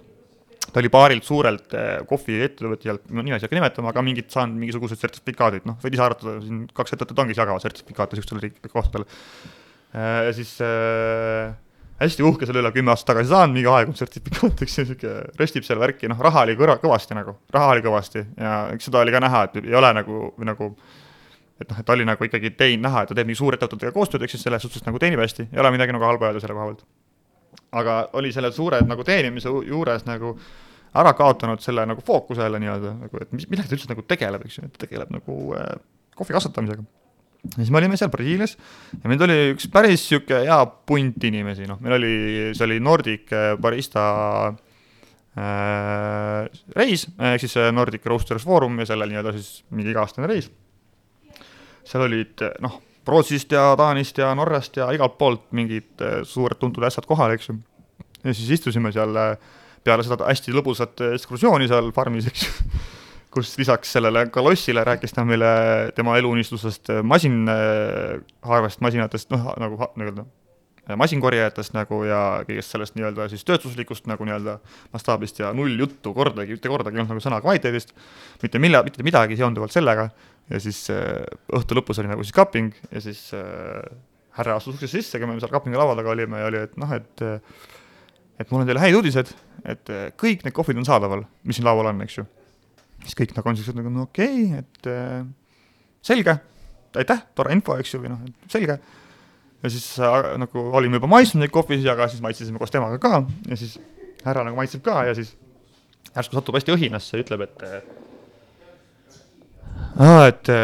et, et aa, et issand, et üks, üks kohv siin on defektiga nagu. et kas te suudate ära arvata, et milline kohv on defektiga ja siis äh, kõik need kümme inimest panid kõik kümnele erinevale kohvile. ja siis kõik kohvid, mis laua peal oli, kaeti ära, et need on kellegi arust efektiga. ja siis ta nagu natukene kohkus,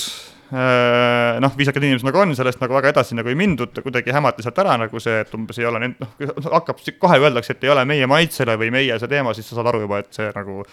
midagi muud tegelikult on valesti nagu. ja kõik olid nagu defektsed ja siis nagu läksime ära sealt. ja siis pärast nagu hakkasin nagu rääkima ka nagu tüüpidega, et noh, et miks siis nagu midagi öelda ja nii edasi, vaata see ongi see, et umbes, et noh, et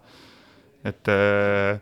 et, et ei taha nagu solvata, vaata, aga oled nagu külas, mis on nagu arusaadav. aga samas nagu mul tekkiski see tunne, et aga, et ju me tahame ju anda feedback'i nagu, et me tahame, et see asi ju paraneks. et kui me lihtsalt käime, midagi ei ütle ja siis pärast nagu itsitame pihku, siis nagu pff, kuidas ta üldse kunagi sellest nagu aru saab, et ta ongi natukene nagu mingisuguses teises maailmas, ei saagi võib-olla hästi aru nagu. et see kaloss ei ole okei okay seal. et see kaloss ei ole okei okay ja võib-olla see kaloss ongi see põhjus, miks kõik arv-, miks inimesed arvasid, et kõik kohvid on defektiga, sest asi ei ole konkreetses taimes, konkreetses oas, vaid nagu asi on selles, mis ma ennem rääkisin, sinu töötluskojas, sinu hügieenitasemes nagu nendel vahenditega, mida sa kasutad, eks ju, nagu. et sa võid ju teha maailma kõige ägedamat kohvi seal oma selle kasvatamisega, eks ju, kasvatamistingimustega ja mingid varjude, puuvarjudega ja väetiste ja asjadega, sa saad noh, hullult nagu teha, eks ju, seal, et mingi hästi äge asi oleks. aga see on nagu veits nagu sama, et teed nagu mingisuguse, mingi hea toidu või noh, mingi ostad mingi hea liha, noh, toome liha, mulle meeldib üks tuua analoogiks alati kohviga, et toome selle liha, et ostad mingi hea lihatüki, eks ju, ja siis tahad seda praadima hakata ja siis sa hakkad nagu seda mingisuguse panniga nagu praadima, mis on, ma ei tea, on eilne mingi see carbonara põhi on all veel, vaata nagu, siis sa lihtsalt valad selle, selle prügikasti ja puhtaks ei tõmba, vaata. ja siis noh, umbes teed kogu aeg niimoodi, noh mm -hmm.. et see tegelikult ju lõpuks siis on nagu veits kaob ära see point sinna midagi väga head osta, kui sa teed ju mustade vahenditega või no umbes noh, ma ei tea, sööd pärast seda mingi musta taldriku pealt musta noa kahvliga, et noh, see on ju noh, mingit kasu ei ole sellest nagu mm. -hmm aga jah, et siis, et noh, et seal siis nagu jah, et veits nagu see tekkis seda arusaama, et oligi see, et üks asi oligi see, mis alguses ma tekkis, ongi see, et võib-olla inimesed nagu hästi ei saa aru Äh, mis see nagu nende nii-öelda meie jaoks nagu Euroopas tähendab või Ameerikas ja mis selle eest nagu nõus nagu maksma ollakse inimesed ja siis versus siis see, et nagu on mingid inimesed, kes nagu arvavad, et teevad nagu kõige ägedamat asja maailmas ja siis tegelikult nagu ei kannata mingit kriitikat nagu. et eh, nagu just, just nagu see oblivious nagu teema on seal, ongi see, miks ma minu arust tunnen, et see nagu feedback'i tagasiandmine nagu hästi oluline oleks, nagu ongi see, et nagu no kahes erinevas spektris on nagu need inimesed, et seal nagu, kes ei saa üldse midagi aru ja siis inimesed, kes nagu natukene on nagu liiga nagu sihuke, kuidas ma ütlen siis nagu, liiga nagu äh, sihuke raha orienteeritud ja arvavadki, et nagu, et see ongi nagu ainult nagu sihuke good business nagu vaata, aga noh, kuna mina, mina vaatan seda alati niimoodi, et kuna eriti, eriti praegult on, eks ju, kõik see nii-öelda see jalajälg kõik hästi oluline, siis nagu mina vaatan nagu selle nurga alt ka nagu, et üks asi on tore, et on nagu raha teenida, aga võiks ju mõelda nii, kuidas on nagu võib-olla lihtsam teenida rohkem raha, ehk siis, et noh, et teed nagu paremat asja vähem, mitte kehvemat asja rohkem nagu. sest nagu ma tunneks, et nagu ma ei, ma ei tea, head asja vähem teha oleks nagu lihtsam kui halba asja hästi palju. täitsa nõus. väga põnev jutt mm,. küs-, natuke me puudutasime seda teemat, et äh, sa rääkisid, et, et ei osta, et teil ei ole nii-öelda võib-olla niisugust Äh, direct trade'i kohvifarmeritega, et ei osta pidevalt nii-öelda farmerite käest, ühe farmeri käest kogu aeg. Äh, mille järgi The Brick Coffee Roastery otsustab, äh, et millisest farmist või piirkonnast kohvi osta, et ju kohviriigid on suured, piirkondi on erinevaid, eks ole, et on see Keenia, on see Kolumbia või, või mõni kolmas riik, eks ole, et mille järgi teie teete oma otsuse, et, et millist toorkohvi osta mm,? no kuidas ma ütlen, kvalit-, kvaliteedi järgi tegelikult. aga kuidas sa tead seda kvaliteeti, kui sa ei ole seda aa ah,, seda, okei okay,, okei okay,, ma alustan siis täitsa nagu algusest, et äh, üldse võib-olla siis seletada, kuidas äh, võib-olla siis meiesugused ettevõtted äh, kohvi üldse saavad, rohelist kohvi, on see, et noh, muidugi on see direct trade, eks ju, mida me oleme ka mõnel korral nagu teinud, aga mis ei ole alati kõige lihtsam, sest just nagu nii väiksel ettevõttel, sest selleks, et oleks mõtet nagu tuua a la Brasiiliast kohvi Euroopasse, eks ju, siis noh, kahte kotti ei telli ju. telliks ikka konteineri, konteiner on mingi kakskümmend tuhat, kakskümmend tonni, eks ju, nagu me röstisime eelmine aasta, noh, ei tea, äkki mingi kaheksa tonni, eks ju. röstiks seda kohvi kaks aastat nagu. ja see kaheksa tonni on nagu kõik meie erinevad kohvid kokku nagu mm, ehk siis need nagu, need mastaabid nagu ei kattu mitte kuidagi nagu, et see on nagu ebareaalne, et me saaks nii palju võtta, mis me saame teha on see, et me nagu klapime kellegiga koos, eks ju, ja teeme konteineri. aga noh, Eestis seda naljalt ei tee, sest äh, mitte, et me ei oleks nagu sõbrad omavahel, vaid pigem nagu see, et me oleme nii väiksed, meid on nii vähe, et tellime kakskümmend tonni seda Brasiilia kohvi sealt, eks ju, ja siis nagu kõik müüme sama kohvi. et nagu mis point nagu sellel ka siis nagu oleks. et äh, millele me oleme mõelnud ja mis võiks olla nagu niisugune asi nagu tulevikuks võib-olla äh, nagu niisugustele väikeröstijatele võib-olla ka millega oleks võib-olla Eestis nagu mõtet teha, on see, et teha nagu niisugune sarnane reis, nagu ma tegin sellest Brasiilia, Brasiilia reisi, eks ju, selle nii-öelda, nii-öelda nende Skandinaavia kohvi inimestega, et kust käid nagu, teed niisuguse ringkäigu erinevates farmides. Ja siis võib-olla nagu mitme farmi peale, mitme coffee shop'i peale, röstla peale kokku nagu saaks ühe nagu selle nii-öelda konteineri, eks ju, ja siis telliks selle niimoodi siia, nii et kõik saaks nagu erinevaid asju sealt nagu, aga see vajaks natukene seda, et me nagu lähme koha peale ja, ja siis noh, nii-öelda kõik siis tahaks tutvuda mingi erinevate farmidega ja otsida sealt nagu enda jaoks õige välja. logistiliselt muidugi hästi keeruline, sest ega ju Äh, ütleme nii, et ma olin äh, seal Brasiilias, sõitsime vist maha mm, äkki mingi kaks pool tuhat, kolm tuhat kilomeetrit, eks ju, autoga nende farmide vahel ja nii edasi, eks ju, ja siis äh, vaatad seda pärast kaardi pealt ja siis saad aru, et nagu see läinud isegi nagu maakonnast välja või noh, et nagu see on lihtsalt nii suur riik ja nagu selles noh, ongi, et seda on nagu raske võib-olla nagu kuidagi logistiliselt lahendada seda, aga võib-olla jah, kui sa nagu suudaks võib-olla eeltööna välja valida mingid farmid ja mingi noh, eeltöö teha, et siis nagu oleks asjal jumet, sest natukene nagu ka tunduks nagu ka mõttetu öö, osta niimoodi konteiner otse kusagilt ilma loomata nagu füüsilist kontakti, päris kontakti selle farmeriga nagu et jällegist minu arust see on väga oluline selle story tagasitoomise juurde ja tegelikult, kus mul ennem ka pooleli jäi, oligi see, et mis me siis nagu tegime, äh, kui teist korda läksin äh, sinna kohviriiki, siis me võtsime kaasa selle nii-öelda nagu selle kohvipaki. ei olnud küll sealt äh, farmist või sealt, eks ju, vaid lihtsalt näidata neile, et kuidas nagu meie maailmas või nagu kuidas meie neid asju näeme, eks ju. ja siis näitasime seda pakki ja siis tüübid olidki, et nagu ossa, et nagu noh, et mingi, mingi farmeri nimi peal ja mingi linn ja lähim, või tähendab, lähim linn ja mingi kuradi maakond ja riik ja noh, kõik asjad, eks ju, seal osadel juhtudel isegi nagu, kui on nagu põnevad story'd, mingisugused nagu nii-öelda seal farmeri enda story'd põnevad, siis paneme ka neid sinna juurde, eks ju, nagu lugemist. Äh, kunagi meeldis rohkem neid panna, nüüd natukene vähem, sest ei taha, et see nagu äh, pakk liiga kirjuks läheks inimeste jaoks, et nagu oluline info nagu ära kaoks et kui ma hakkan seal rääkima, et kui tore selle Juani vanaema oli, eks ju, kunagi, et noh, see on lahe jutt, see on tore jutt, aga nagu võib-olla kohvipaki peal natukene tõmbab selle fookuse nagu mujale. Äh, aga et jah, et siis ta nagu nägi, siis nad nagu, osad nagu saidki aru sellest, et noh, need on ikka pisara silma jäänud, olid ikka olid sihuke, et nagu, et ahah, et nagu, et see on nagu, et nagu te nagu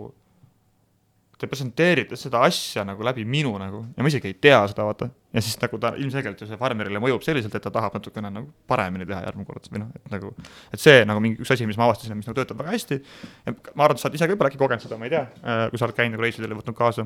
et näinud nagu noh, kuidas nad siis nagu reageerivad ja kuidas tegelikult, kui südantsoojendav see tegelikult on mm -hmm. ja kuidas tegelikult see on üks väheseid asju siiani minu arust, mis paneb neid seda aru saama mm -hmm.. muidu, kui sa räägid sellest, näitad mingeid pilte, oo, meil on mingi sihuke coffee shop'i kultuur, eks ju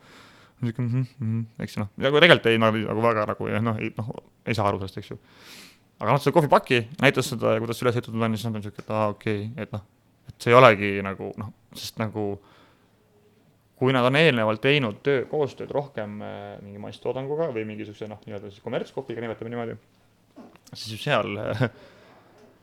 noh, klassikaline kommertspakendi kiri on Äh, parimatest kohvifarmidest äh, Ladina-Ameerikast, Aafrikast ja Aasiast. ja siis nagu see farmer, eks ju, kelle, kes on kohvis müüs, kust ta siis ennast sealt üles leiab nagu, kuidas ta näeb, et see on, või noh, see ei ole nagu, ta kuidagi sellist, tuleb niimoodi tagasi. pluss veel rääkimata sellest, et sa nimetad ära nagu põhimõtteliselt terve build'i, eks ju, ja siis nagu ütled, et neist kõige parematest farmidest. et see veits ongi see, et siis äh, tekibki see küsimus, aga et kui on kõige paremad farmid, siis miks sa ei taha seda oma nagu äh, nii-öelda noh kapitalistlik mõtteviis, aga sa, miks sa ei taha seda enda jaoks nagu ära kasutada, vaata, et sa ju äh, saad ju eksponeerida neid ja nagu äh, ära kasutada seda, et see on nagu oo, et see on üks ägedamaid farme maailmas või et see on nagu väga hea farm, et see on see farm. siis sa saad selle üles otsida, ah ongi noh, väga lahe, davai, proovime. et noh, kujuta ette veiniga analoogi tuua, et lähed nagu poodi või ma ei tea, Rein Kasela tuleb su juurde, ütleb, et oo, kuule, mul on üks eriti vinge vein uus, eks ju tahad proovida? siis sihuke, aa, et mis vein on? no see on parimatest Prantsusmaa, Itaalia ja Hispaania mõisadest tulnud vein. siis nagu, et mis asja, eks ju, noh, et mis see tähendab nagu lõpuks, noh, meie veini koha pealt jookseks täitsa kokku ju mm.. või, või kasvõigi niipidi, et me siin tegelikult kohvis räägime, et il-, nagu ilgelt hästi on see, kui on kohvipaki peal kirjas äh, riik, et kust ta pärit on, eks ju või isegi see, et on äkki see, et on lihtsalt Ladina-Ameerika kohvi, eks ju, et see on juba väga hästi nagu, kujutad ette, lähed nagu veini ostma ja siis veini peal on nagu valge silt siis on kirjas Lõuna-Euroopa, punane vein. noh, täitsa absurdne tegelikult ju mõelda, vaata. et, et noh, et seal nagu minu arust on nagu veinis on nagu ammu juba see vaata ära personaliseeritud või kuidagi isik, isik, isiksustatud, isiksustatud, et sa nagu oled nagu see mõis, sa oled tüüp, sa nagu ei ole see võib-olla see farmer, aga sa nagu kannatad seda mõisa nagu või selle Mansioni nii-öelda nagu seda mingit eh, noh, imagot ja legendi ja kõiki asju ja see nagu aitab sul tulevikus võib-olla isegi nagu kallimalt ja rohkem müüa mingeid asju, eks ju. aga kui sa kogu aeg seda peidad ära kuhugi Lõuna-Euroopa veini taha, noh siis ega lõpuks sinul seda nagu nii-öelda selle farmer indiviidina nagu sul seda nagu kredibiiliteedi ei tule ja sa jääd tegelikult sellest kõigest ilma, sest võib-olla see tõesti see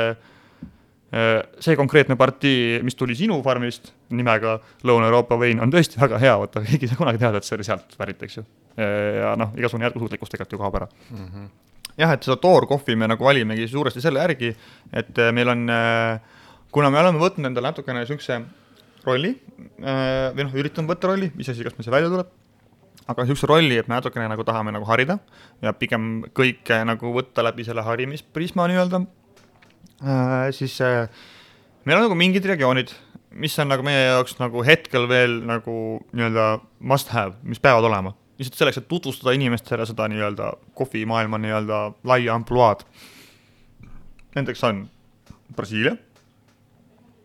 Brasiilia puhtalt juba sellepärast, et see on nagu meie kutsume seda nii-öelda entrance level kohviks või siis nii-öelda niisuguseks nagu nimetagem seda siis tutvumiskohviks, et ta ei ole nagu see hinnavahe võib-olla ei ole nii suur poekohviga ja ei ole ka nagu mm, maitsenüansside vahe ei ole nagu nii üüratu, kui võib-olla tavapoekohvi ja spetsialty kohvi puhul tavaliselt on, et noh, keskmine mingi kohvi inimene võtab kohe spetsialty kohvi, mingi Aafrika kohvi, eks ju, et noh, kui sa jood eluaeg, oled joonud äh, hästi tumedat äh, poekohvi, näiteks mingi Itaalia rösti, ja siis järsku saad seda geeniat, eks esimest korda võib ka olla kõige parem geenia maailmas, ma ei tea, Tim Vendelpuu röstis, eks ju, epic geenia, aga see, selle inimese jaoks on see kõik too much nagu. et väga, ma nagu, mina tegelikult ei ole siiani kohanud mitte ühtegi inimest, kes oleks peale esimest lonksu geeniat öelnud, et talle nagu see meeldib. et nagu, et ma tahan sellega edasi minna, eks ju, et ma nagu, kus ma olnud olen, eks ju. et see pigem on see, et ta joob seda võib-olla nagu paar korda, natukene on ikkagi kahtlev, siis joob uuesti oma seda tumedat rösti ja siis saab seda geeniat ja siis ta on niisugune, aa, okei okay,, okei okay,, midagi siin nagu on, eks ju. aga et just aga see kõik on siis võimalik, kui see inimene nagu jääbki käima, eks ju, et ta on kogu aeg sinu nagu käeulatuses, et sa saad teda nagu õpetada ja aidata suunata, keskmine ostja, noh, ta tuleb poodi, tuleb siia, ostab mul seda geeniat, läheb äh, koju tagasi, joob seda ilgelt hapu, ega ta ei tule mulle homme ütlema, et kuule, nii hapu oli, et midagi tegelete. ta on niisugune, ahah, prikk on jama, ma ei taha, ma võtan mingi järgmise asja, eks ju, nagu äh,. suure tõenäosusega ta läheb võib-olla poodi tagasi, sest äh, inimesed on harjumusorjad, ehk siis kui meile oleme harjunud mingi asjaga, näiteks oletame mingisuguse konkreetse kohvi maitse, eks ju, noh, mina kutsun seda siis noh, poekohvide puhul üldjuhul rösti maitseks, eks ju, mitte kohvi maitseks. sa oled mingi rösti maitsega seal kohvis nagu harjunud ja siis äh, sa maksad selle eest, ma ei tea, viisteist eurot kilo, eks ju, ja siis tuled äh, siia või ütleme, kümme eurot kilo, eks ju, ja siis tuled siia, saad selle Keenia, mis on mingi viiskümmend euri kilo, neli, viis korda kallim, eks ju, siis äh, lähed koju, ei maitse ka nagu siis sa pead ju täitsa nagu, täitsa rumal olema, kui sa oled nõus maksma neli korda rohkem millegi eest, mis sulle maitseb vähem. et siis just, et seda olukorda vältida, et ei tekiks nagu see, et ta tuleb, tutvub ja on too much kõik nagu ja siis tõmbab tagasi oma nagu sellesse asja, selle jaoks me nagu võtsime selle Brasiilia kohvi nagu tugevalt fookusesse, et meil peab olema niisugune kohvi, mis on nagu samm edasi, mis on specialty kohvi, aga ta ei ole nagu nii ähm, radikaalselt erinev nagu, äärmuslikult erinev jah, ja mis ma selle all mõtlen, on see, mitte, et ta peab olema mingi, ma ei tea, tahmane või tume või see, vaid ma pigem mõtlen selle all kahte asja. on niisugune äh, pähklisus, niisugune nagu see pähkli niisugune alatoon, millega nagu harjunud on, ja madal happesus. siis on nagu see, et nagu ta on nagu mingid sarnasused veel,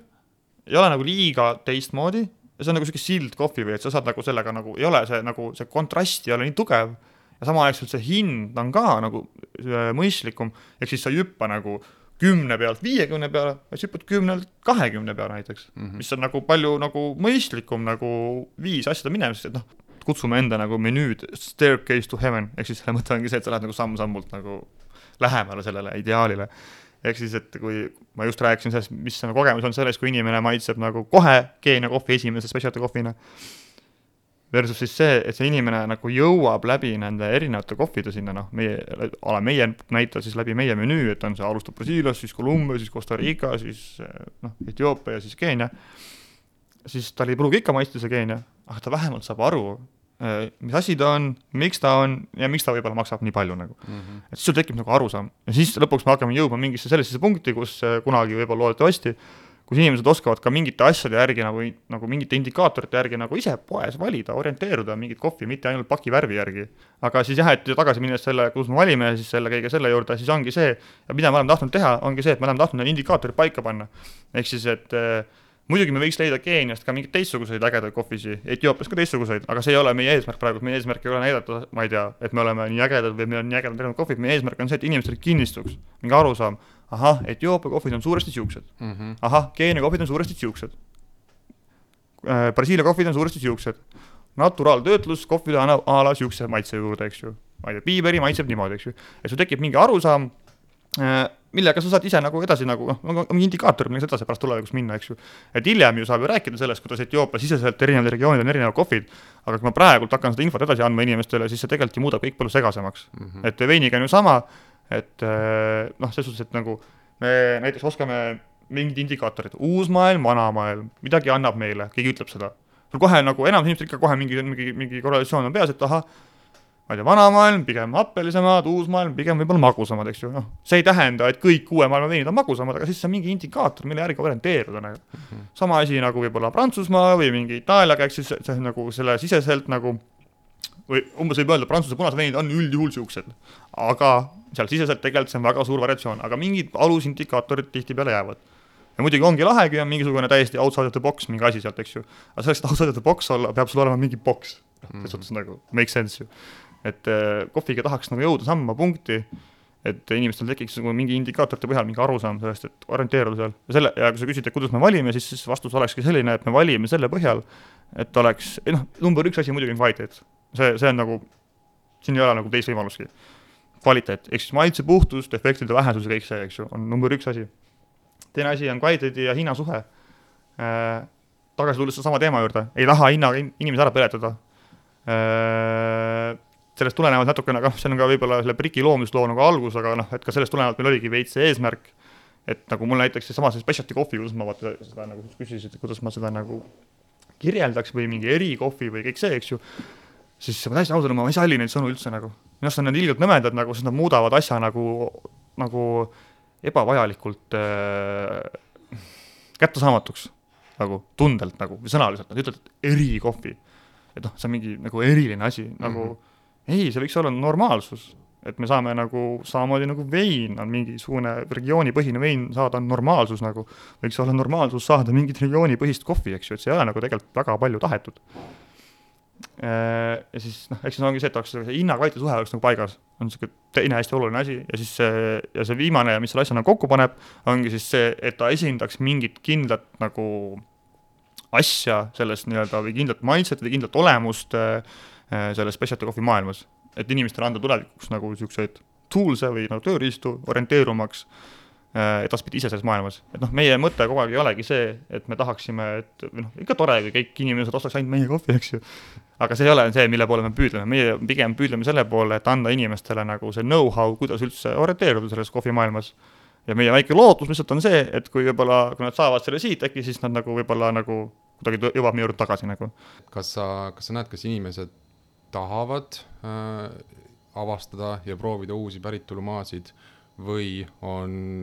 ka see variant, mis, mis peab ka paika, et need riigid mis ei ole nii levinud, äh, sama see noh, ma lihtsalt ise omast kogemust, ma ei ole nagu varem saanud Papuast äh, head kohvi proovida ja üleüldse pole nagu kasvõi mingi kohvifestivalide mm. näitel, eks ole, ta ei ole levinud riik. ta ei ole üldse, ei ole tegelikult levinud. just, ja sama on, eks ole, ongi Myanmariga või, või ükskõik millise sellise riigiga, eks ole, mis noh, sa tead, et seal kasvatatakse, eks ole, aga tegelikult nad ei jõua nii-öelda nendesse väikestesse coffee shop idesse või nii-öelda väikeröstikodadesse mm -hmm. tihtipeale ütleme nii, et noh, mul on raske vastata selles suhtes ausalt, selle koha, selles suhtes, et ma, ma elan nagu kergelt mõistes mullis. ma elan siin nagu selles nagu oma klientuuri, selles Kalamaja, Telliskivi, Kadrioru mullis, kus nagu nende inimeste põhjal ma ütleks küll, et inimesed on vägagi valmis nagu äh, proovima, aga samas, kui ma mõtlen nagu võib-olla mingite niisuguste inimeste peale, kes võib-olla ära eksinud on siia, eks ju, ja kes on jäänud nagu käima äh,, siis nende puhul ma seda ei näe tegelikult väga, et äh, on väga suur hulk inimesi, kelle jaoks kohvi ikkagi on nagu kütus. ehk siis nagu hakata selle kütusega nagu mingit mängima nagu noh, või nagu ma sõnastaks seda pigem niimoodi, ja mida ma olen ka kasutanud ka võib-olla nagu kohvi müümisel ja inimestele selgitamises, et mida kohvi, mis kohvi võiks nagu osta ja mis ajahetkel ja mis, mis, mis kasu-, otstarbel, eks ju, on see, et äh, selle põneva kohviga, et selle põneva kohvi koht vist ongi nädalavahetus nagu, et äh, et äh, inimene, kes joob nagu kohvi hästi sitostarbeliselt, et tal on umbes see, et tal on, ma ei tea, no hästi suur hulk inimesi, kes võib-olla ei ärka korralikult või noh, nad ise väidavad, et nad ei ärka hästi ilma nagu kohvit joomata, siis võib-olla selle inimese jaoks seda igasuguseid põnevaid kohvisi kogu aeg uuesti proovida seal nädalava sees nagu on võib-olla just too much, just selle nagu äh, nurga alt, et äh, kui sa hommikul ärkad, noh, keskmine inimene läheb tööle, eks ju, hommikul peale ärkamist, et äh, ja ei ole nagu liiga palju aega, eks ju, seal nagu vaba aega võib-olla kodus tegeleda. Ja see võib-olla natukene nagu panebki oma nagu nii-öelda vaimsust nagu valmis selleks tööpäevaks, eks ju. Et siis sa võib-olla ei taha, et see kohvi sealt nagu hullult tähelepanu rööviks sult, et noh, ongi see, et jootsutav Brasiilia, ta on niisugune klassikaline mingisugune niisugune pähkli alatooniga madala happega, niisugune hästi malv ja ümar äh, äh, nagu niisugune vähenõudlik kohv, eks ju. Et siis sa nagu noh, sa jood seda kohvi, see on hea, see on meeldiv, see läheb lihtsasti alla, aga see nagu, ta ei tõmba nagu tähelepanu ja sa saad keskenduda oma nagu ole, ole, oma asjadele, oma olemisele, eks hakkad seal seda võib-olla nagu iga päev, mitte iga päev, aga seal nagu iga nädal umbes uut kohvi jooma, eks ju, noh. Keeniat või mingit sihukest, siis see nagu, nad on nagu nii spetsiifilised kohvid, et tahes-tahtmata see tõmbab nagu mingit tähelepanu endale. ja ma usun küll, et on päris palju inimesi, keda häiriks sihuke asi nagu, et ja keda hakkabki see nagu häirima, et ta tõmbab liiga palju tähelepanu, ta võtab fookuse nagu ära veits nagu. Ja võib-olla nagu sihuke kuidagi jah, rutiinsus nagu võib-olla ka kaob nagu ära aga kindlasti on noh, mingid erandid, erandid kinnitavad reeglid, et kindlasti on nagu mingeid inimtüüpe, kes võiks iga nädal panna uut asja, eks ju, oleks mm -hmm. ülilahe, eks ju, aga ma arvan, et niisugune üldine inimene pigem nagu äh, just selle koha pealt ja mis on ka täiesti mõistetav minu jaoks ongi see, et tavainimese jaoks ei pea kohv olema nii, nagu meie jaoks on. et see on nagu A ja O ja selle ümber kõik maailm keerleb, eks ju. see on lihtsalt mingi osa päevast, samamoodi nagu on vesi, hommikusöök, lõunasöök, õhtusöök, trenni minek, trennist tulek, noh, kõik need protsessid, eks ju, mis sa teed päeva jooksul. et paljude jaoks on lihtsalt mingi osa nagu päevast, mingi protsess ja see võib-olla ei tohikski olla sellises rollis, et ta nagu sul äh, hommikul kell kaheksa tõmbab nagu kõik valguse tähelepanu enda peale, et nüüd davai, vaadake nüüd mind, eks ju, ma nüüd olen siin, ma olen äge ja põnev ja lahe, eks ju, ja siis noh, vaata, vaata ise edasi, mida sa teed, eks oma päevaga. et selle koha pealt jah, aga samas nädalavahetusel jällegist ma arvan, et võib-olla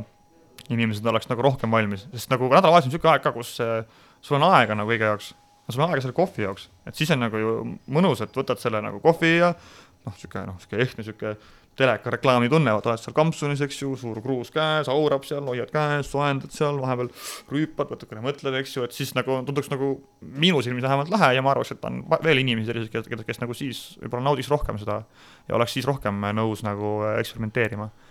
et, et jah, et ma arvan, et nagu jah ma arvan, et, ma arvan, et neid inimesi on ja ka pigem seda tehakse, kui tehakse, siis niisugusel nädalavahetustel või puhkuste mm -hmm. aegadel. või mis muidugi on hästi lahe alati, on see, kui sa lähed kuhugi reisile või noh, kuhugi, ma ei tea, metsa trippima, matkama, kui iganes, et siis ta on ka niisugune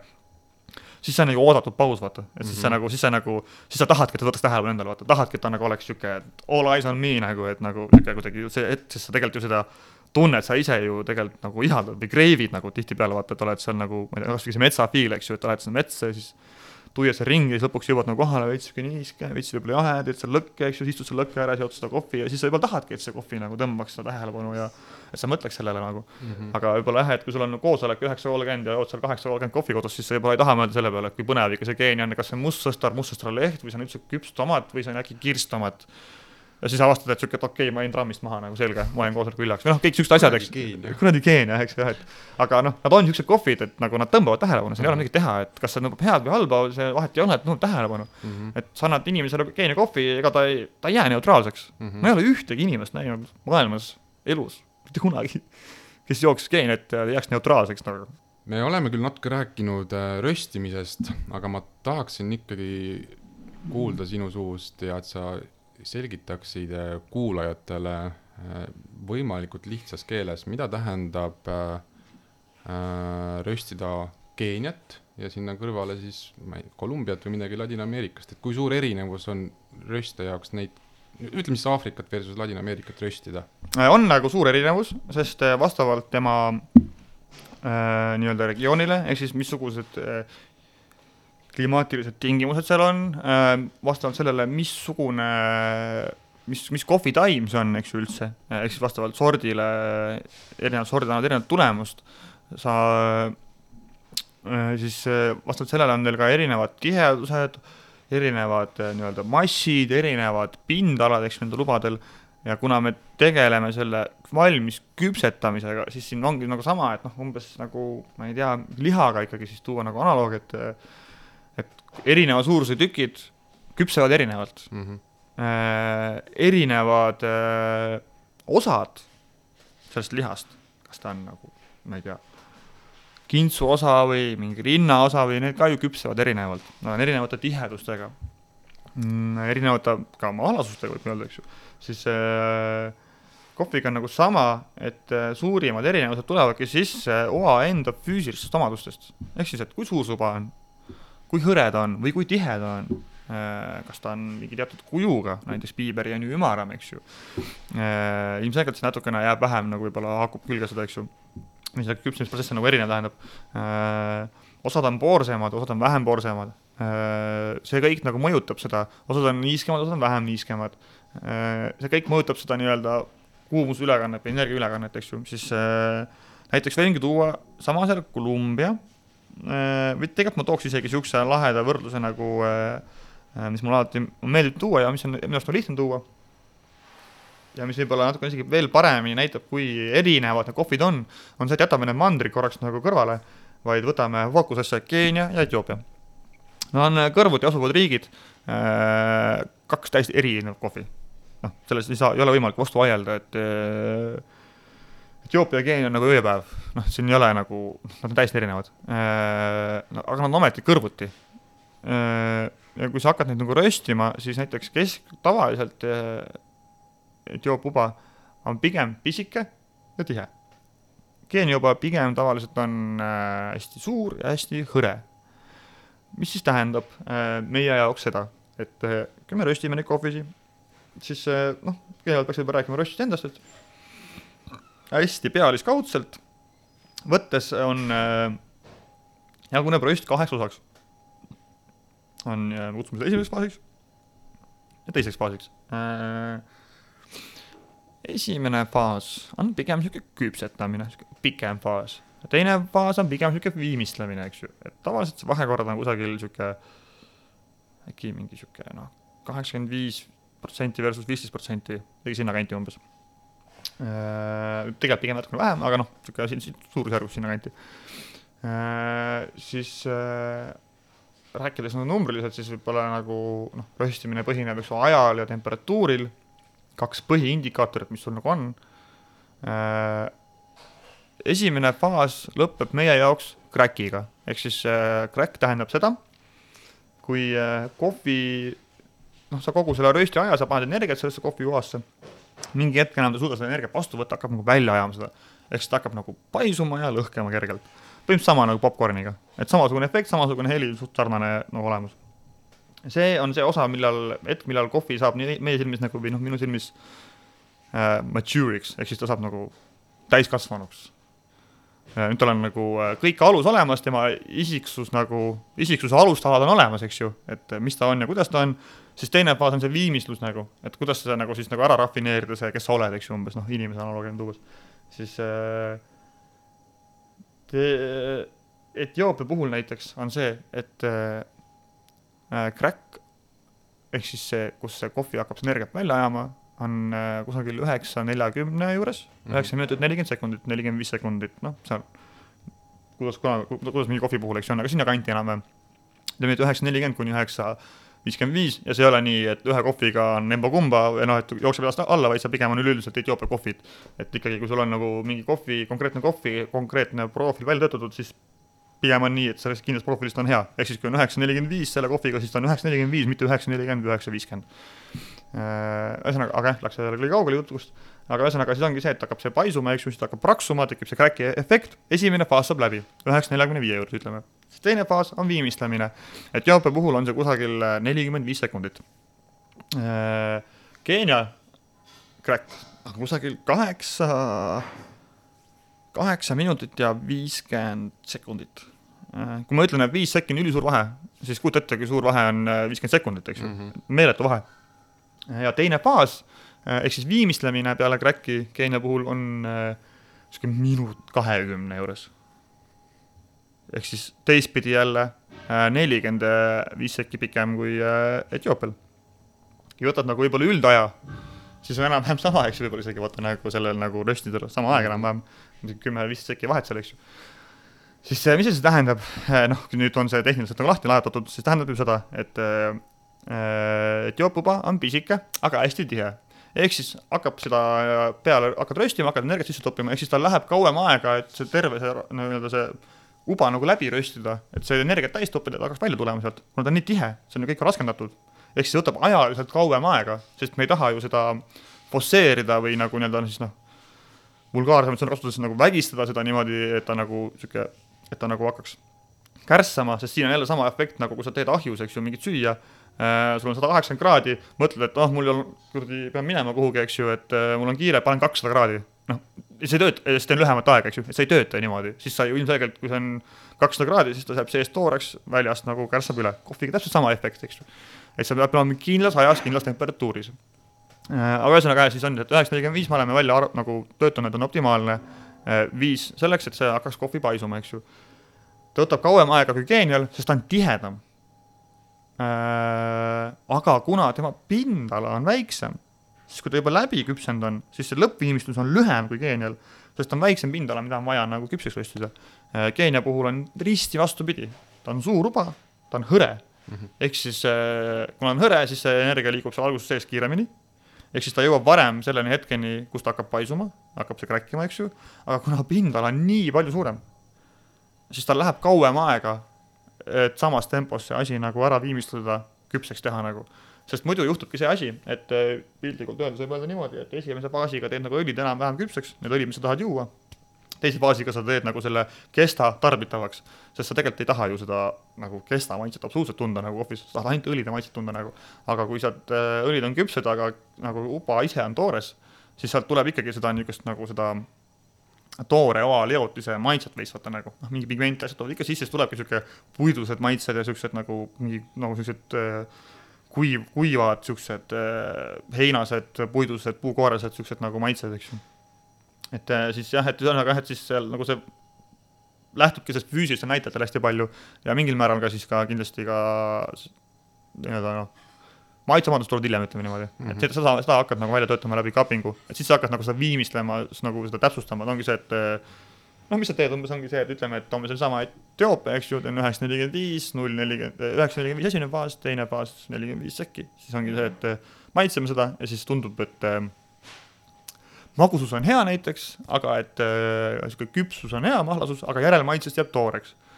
siis üldjuhul noh, see, et näiteks üks asi, mis sa saad teha, ongi see, et sa teed selle teise faasi pikemaks Äh, et ta küpseks nagu kauem. Või siis teed selle lühemaks, aga kõrgema temperatuuri, noh, sama temperatuur, aga kõrgem, ehk siis ta jõuab kiiremini sama temperatuurini, ehk siis intensiivsustase on nagu ikkagi nagu mm -hmm. kõrgem, ehk siis ta küpseb rohkem läbi nagu mm. -hmm. ja siis selle põhjal hakkame seda nagu üles ehitama niimoodi. ja siis sealt nagu ühesõnaga jah, et see on siis see koht, kus see maitse tuleb mängu, aga see põhiline jah, on alguses ikkagi sihuke füüsiline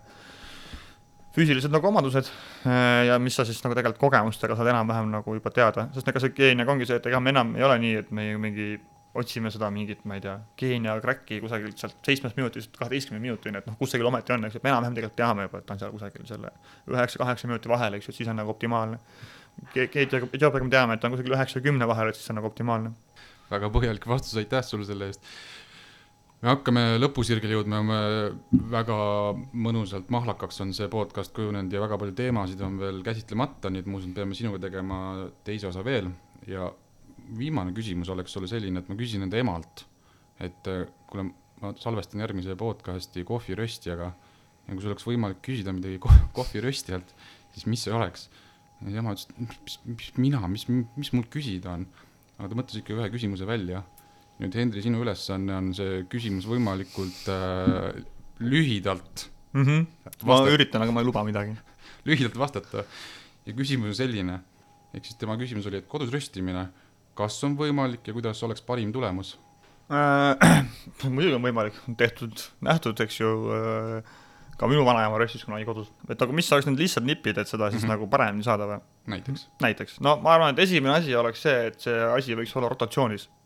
ehk siis, et see uba ei võiks mitte seista ühe koha peal mm et see ei ole nagu sihuke, et paned nagu pannile ja siis seisab selle, siis sa praed ühe külje ja siis teise külje ja siis kolmanda külje ja siis neljanda külje,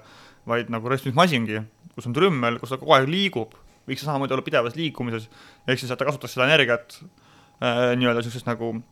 küpsemiseks, mitte kärsatamiseks. ehk siis lõpuks on ju see, et kui see, eriti kui me räägime sellest äh, panni peal tegemisest või sellest noh, nende kodustes tingimustes, siis on ju see, et sul on üks kindel kuumapind, eks ju, ja siis ülejäänud on nagu lahtine. et siis ongi nagu see, et siis ilmselgelt see üks pool saab kogu aeg rohkem kuuma, ehk siis ta põletab selle nagu pinna ära sealt nagu. ehk siis minu nagu soovitus oleks jah, võib-olla see, et kõige lihtsam viis